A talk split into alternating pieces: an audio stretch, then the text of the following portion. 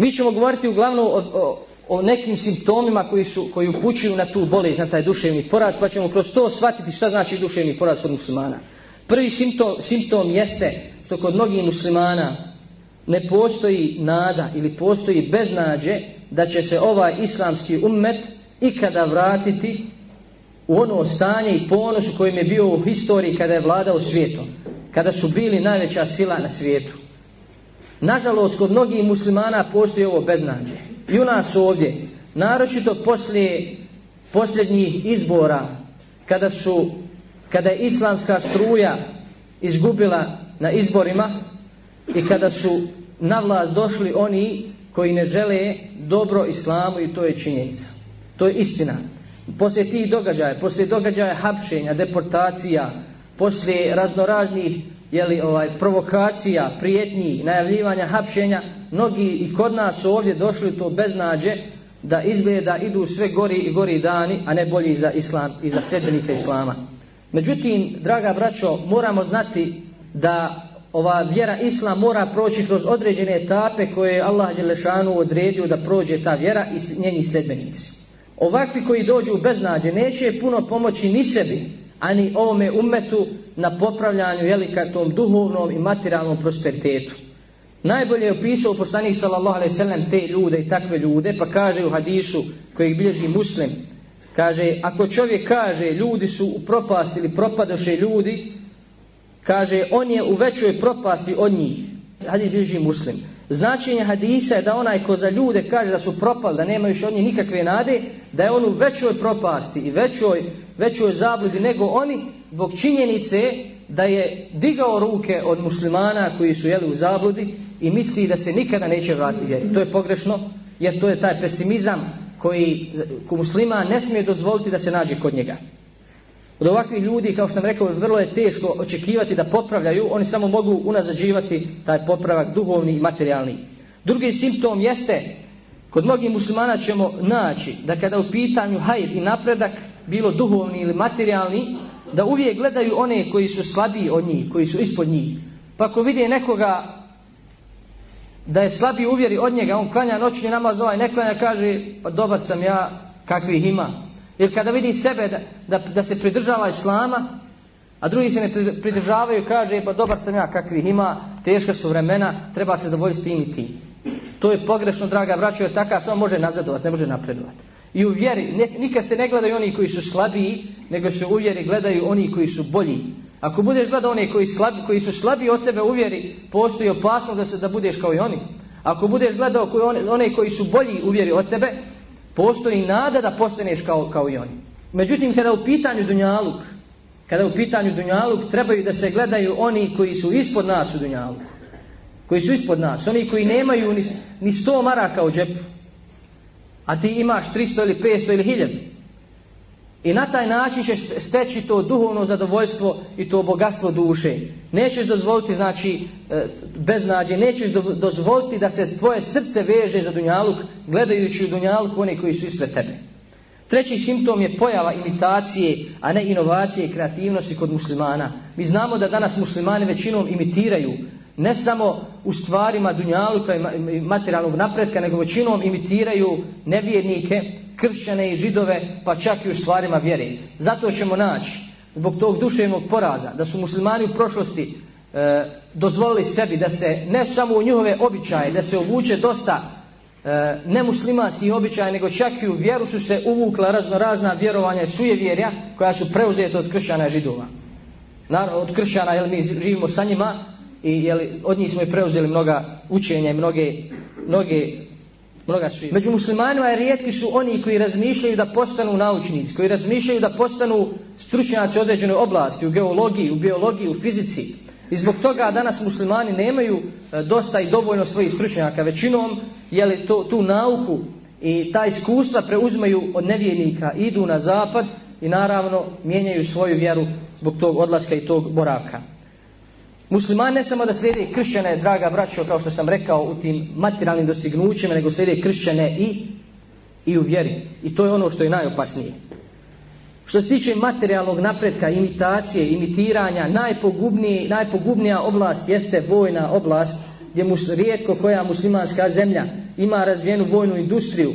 I zbog toga, e, kada se pojavi bilo kakva zemlja sa, vojnom, sa razvijenom vojnom industrijom u svijetu, dešava se ono što je se desilo Iraku, ono što je se desilo e, Siriji, ono što je se desilo drugim muslimanskim zemljama i što se prijeti drugim muslimanskim zemljama koje su e, materijalno razvijene, a naročito vojno.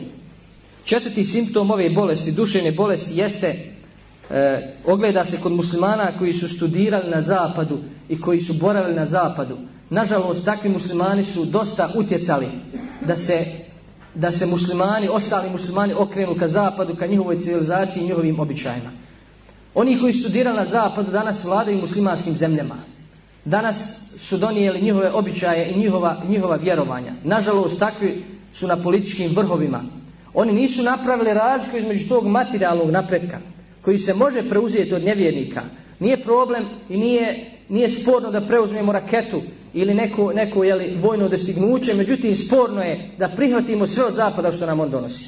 Jer mi imamo svoju vjeru, imamo izvor svog, svoje vjere, imamo izvor svojih običaja i tradicije. A to je naša vjera islam.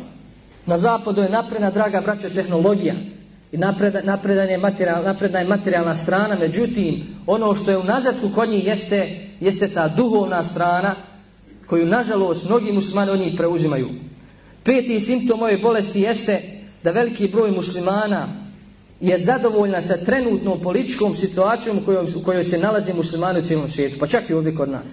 Zato ćemo vidjeti da mnogi lideri muslimanski, koji su toliko, koliko toliko nastrojeni islamski, da nemaju snage, baš zbog tog duševnog poraza koji osjećaju pri sebi, koji imaju pri sebi, nemaju snage da se odupru nekim političkim rješenjima ili nerješenjima koja se nameću muslimanima, kao što je primjer Kašmira, kao što je primjer Palestine, 50-godišnji rat gdje se svakodnevno donose neka rješenja, neke rezolucije koja su nažalost na štetu muslimana i nažalost i pored toga što su muslimani u tako teškoj situaciji, muslimanski lideri, nazovimo i muslimanskim liderima jer upravljaju sa muslimanima, oni su zadovoljni sa bilo kakvim političkim rješenjima. I nažalost to se prenosi i na obični svijet. Jer, jer kakav je svijet, takvi, svijet, takvi su im i lideri i vođe. Da je svijet bolji, izabrali bi i bolje vođe. I nije čudo i ovdje kod nas. Pitamo se nekada što su, što su ovi došli na vlast. Ovi koji sad kroje koje kakvu e, antiterorističku državu i neku civilizaciju evropsku i žele da nas uvedu u Evropu, pitamo se otkud oni na vlasti. Trebamo se pitati, trebamo preispitati naše stanje, jer niko i drugi nije doveo na vlast do mi, draga braćo. I to je naša svijest i svijest našeg naroda. Na, naravno, takva rješenja koja se nude i politička rješenja, mi sami znamo i Dejtonski sporazum, bez obzira koliko on politički promišljen, koliko je donio korist muslimanima, iza njega se kriju mnoge štete i mnoge tajne koje ćemo tek u budućnosti otkriti, koje danas dan neke otkrivamo. Za primjer, znači, uzet ćemo postojanje palestinske države koja je E, postojanje države Izrael, te vještačke tvoremine na tlu Palestine, koja je danas simbol terorizma i organizovanog nasilja. Nažalost, mnogi palestinci, kao sam rekao, ne samo lideri, nego i narod su zadovoljni da dobiju ono malo zemlje što je ostalo u Palestini da bi, da bi bio mir. Šesti simptom jeste da mnogi muslimani se, da se mnogi muslimani stide svoje vjerne. Mnogi muslimani se stide svoje vjere, svoje islamske spoljašnosti, spoljašnosti iz razloga što u svojoj vjeri ne vide ponos. Što u svojoj vjeri ne vide ponos. S druge strane, naći ćemo kršćane koji znamo da su na krivom putu, ali naći ćemo i da se pridržavaju svoje vjere i ne stide se nigdje. Nigdje, pa gdje god živjeli, gdje god bili, ne stide se obilježa svoje vjere. Iako su, jeli, iako je njihova vjera skrnavljena. Međutim, muslimani, iako znaju da su na istini, da je Kur'an jedina objava, jedina knjiga koja je sačuvana, da je to istina, da je to hak od Allaha, stide se svoje vjere. I nažalost, ne samo da se stide kad odu na zapad ili kad odu u neku nevjeničku ili nemuslimansku zemlju, stide se i među, u, u, jeli, u, svom, u svom komšiluku, stide se u svojoj zemlji, u muslimanskoj sredini, da kažu da su muslimani i da pokažu svoje islamska obilježja. To, to su jeli, rezultati tog duhovnog ili duševnog poraza koji muslimane osjećaju. Namećemo primjer jedan. Često kada oni koji putuju avionom znaju kako ovaj stjordese nude raznorazna pića i tako dalje i tako dalje. I naći ćemo da su rijetki kršćani koji prihvate u avionu da popiju pivo, neko alkoholno piće, dok, dok ćeš većinom naći da muslimani uzimaju pive i uzimaju alkoholna pića da bi dokazali onim stjuardesama jeli, kojim se lijepo nasmiješi da bi dokazali kako su oni napredni i kako oni znaju piti pive i kako oni nisu jeli, ovaj nisu nazadni i kako su spremni da Allahu griješe i na nebu i na zemlji to je taj duševni poraz njega je stid da njoj kaže ona će možda ponuditi pivu njega je stid da joj kaže ne to, to moja vjera zabranjuje muslimana je stid kada ode u neku nevjeničku zemlju kod nekih jel, uglednih ljudi ili kod nekih jel, političara da kaže meni moja vjera ne dozvoljava da pijem ako mu ponudi piće. To je taj duševni poraz kod muslimana. Isto tako ćemo naći da se mnogi stide svojih islamskih obilježja, islamske nošnje, ono što mu naređuje vjera. Stidi se da na radnom mjestu da klanja, stidi se da nazove selam. Zato ćemo vidjeti danas među omladinom muslimanskom, nažalost, zbog te, tog duševnog poraza i osjećaja inferiornosti i manje vrijednosti, vidjet ćemo da su selam ta islamski pozdrav, koji je pozdrav stanovnika dženneta zamijenili raznoraznim neislamskim pozdravima kao što je čao, zdravo i tako dalje i tako dalje. I to sa slašu i sa, jeli, sa zadovoljstvom koriste takve pozdrave. A naći ćeš kada dođeš u takvu prodancu gdje su, gdje su muslimani, jeli, gdje ne vide svoju vjeru kao, kao izvor ponosa, da zoveš im selam, neće ni da, ne, ne, ne, da ga odvrati. Jedan od razloga zbog koji se muslimani stide prakticirati svoju vjeru jeste bojazan da ne budu označeni kao teroristi, kao fundamentalisti, kao ekstremisti i tako dalje. Muslimani se stide i najmanjih i najsitnijih stvari svoje vjere, a kamo li da govorimo o nekim krupnijim stvarima, kamo li da govorimo da imaju snage i hrabrosti da kažu nevjernicima da su oni u zabludi, da kažu kršćanima, kršćanima i židovima da je njihova vjera iskrivljena. To je to što oni ne vide u svojoj vjeri ponos i dostojanstvo. Navešćemo jedan primjer kako se oni koji prime islam, koji su bili kršćani ili židovi pa prime islam, kako se oni drže svoje vjere i kako su oni ponosni svojom vjerom. Najviše je stida u prakticiranju vjere naćemo baš kod muslimana koji su rođeni u islamu. Zato ćemo naći Engleza ili Amerikanca kada primi islam ne stise svoje vjeri. S turbanom i sa afganistanskim dijelom u sred Amerike voda. Sad malo teže, jele, ali prije škoda. I ne stidi se da nosi bradu, ne stidi se da kaže kad nastupi radno vrijeme da on treba da klanja. Navešu vam jedan primjer jednog engleskog državljanina koji je prihvatio islam s ponosom i dostojanstvom. Tri sedmice nakon prihvatanja islama ukazala mu se prilika da se zaposti. Dunjalku mu se otvorio, jel što mi kažemo, I neki mladići muslimani koji su bili sa njim htjeli su da ga posavjetuju da kaže kada bude na prijemnom da kaže da, da, ne, da ne otkrije da je primio islam. Prije se zvao Rud, a sad poslije je predio ime Ome. Nadio je sebi ime Ome. I rekli su mu nemoj reći da nije bitno jer možda te neće primiti zato što si musliman i možda ako te ne prime zbog toga što si musliman možda se razočaraš uvjeri tako da. Međutim nisu uspjeli da se sa njim susretnu i on je otišao na prijemni da, da, se, da se prijave za taj posao. I kada je razgovarao, rekao je, ja sam musliman, bio sam prije kršćanin, zvao sam se Ruda, sad se zovem Omer, i ja bih htio jeli, da imam slobodnog vremena za obavljanje namaza.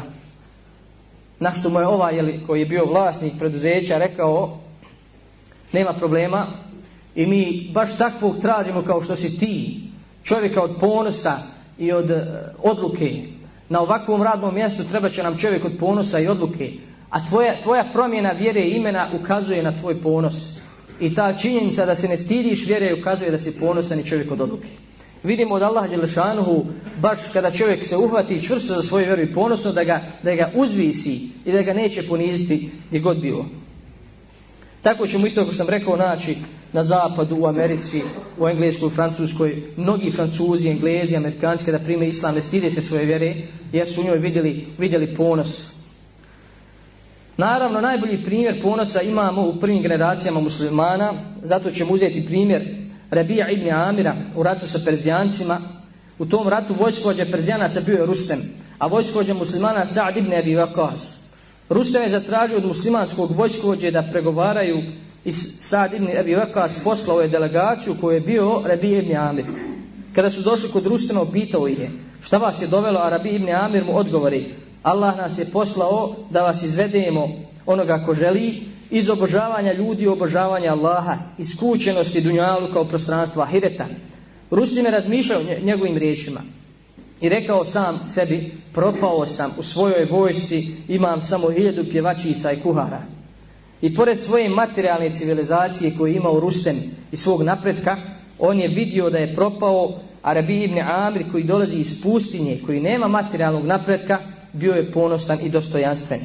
Dalje Rebi nastavlja, kaže, došli smo da vas izvedemo iz nepravde vjera u pravdu Islama. Allah nas je poslao sa svojom vjerom, da njoj pozovemo ostale ljude, pa koji prihvati, bit će prihvaćen, jer kao musliman, i od njega ćemo se vratiti, ako odbije protiv njega ćemo se boriti sve do Allahovog obećanja. A Rusveno ga upita, šta je to Allahovo obećanje? Na što on reče, džennet za onoga koji na tom putu po, pogine, a pobjeda za onoga koji, osta, koji ostane. Kaže Rustem, saslušao sam vaš govor, pa da li nam možete dati vremena da razmotrimo stvar? Da, da odgovore Rebija, želite li dan ili dva? Na to reče Rustem, ne, dok ne vidimo sa našim ljudima, sa našim velikodostojnicima. Na to Rebija reče, od prakse Allahov poslanika nije da pri susretu sa neprijateljem dajemo više od tri dana. Pa zato razmisli o svom postupku. A Rustem ga upita, jesi li ti njihov glavešina, to je glavešina muslimana, na to, on re, na to on reče, ne, ali muslimani su kao jedno tijelo, jedan drugog štiti. Iz ovog ponosa Rustem je vidio da ne može, da ne može izići na kraj sa ovakvim ljudima koji imaju takav ponos i takvo dostojanstvo. I pored toga što je Rustem bio u prljavoj podaranoj obući, ušao je dostojanstveno, što je Rebibni Amir bio u podaranoj obući, i prljave običe ušao je dostojanstveno kod Rustema probadajući one kopljem one njegove e, tepihe koje je prostro i uveo je u njegovu dvorac i svoju jahalicu i svog konja. To je jeli, pokazalo onaj ponos muslimana.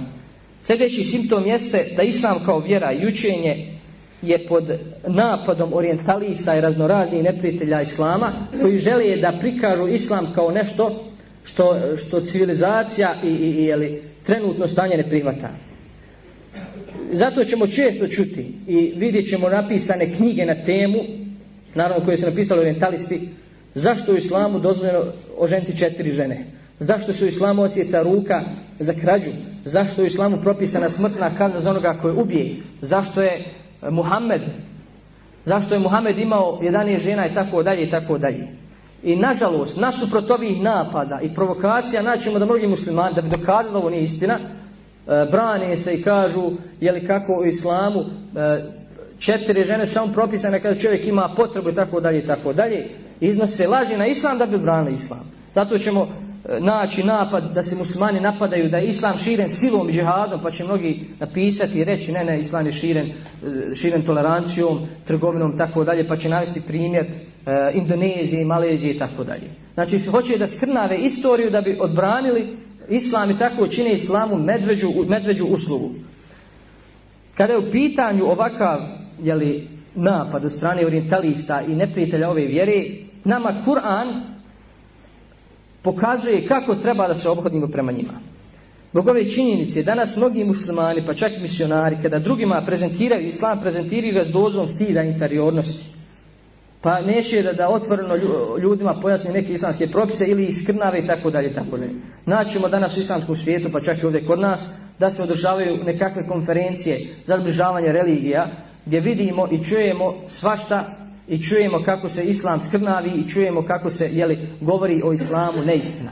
Zato ćemo naći kada raspravljaju o vjerama, o religijama, kako, kako se izbjegava reći da su kršćani i e, židovi u zabludi. Stid je oni koji raspravljaju o takvim pitanjima da kažu kršćinama vi ste u zabludi. Jer naša vjera, na, naš, naša objava, Kur'an, to se Allahovi reči kaže, nevjernici su oni koji kažu da je Allah trojica. I na jednom eto, takvom predavanju, jedan je upitan od strane prisudnih. Da li vi priznajete vjeru kao islam i Kur'an kao objavu, ovaj jeli, svećenik se izbezumio na ljutu i tako dalje, i dok je ovaj muslimanski jeli, ovaj, s muslimanske strane nije htio da prizna da islam ne priznaje ni kršćanstvo ni židovstvo i da, da, da, da kaže inna dine inda Allahi islam da je jedina vjera kod Allah islam to je taj to je ali, rezultat duševnog poraza kod muslimana Isto tako islam je optuživan da je, da je to robov, robovlasnički sistem, pa su neki pisali i branili tu činjenicu i govorili ne, islam nije robovlasnički, nego demokratski sistem. Naravno, otišli zablude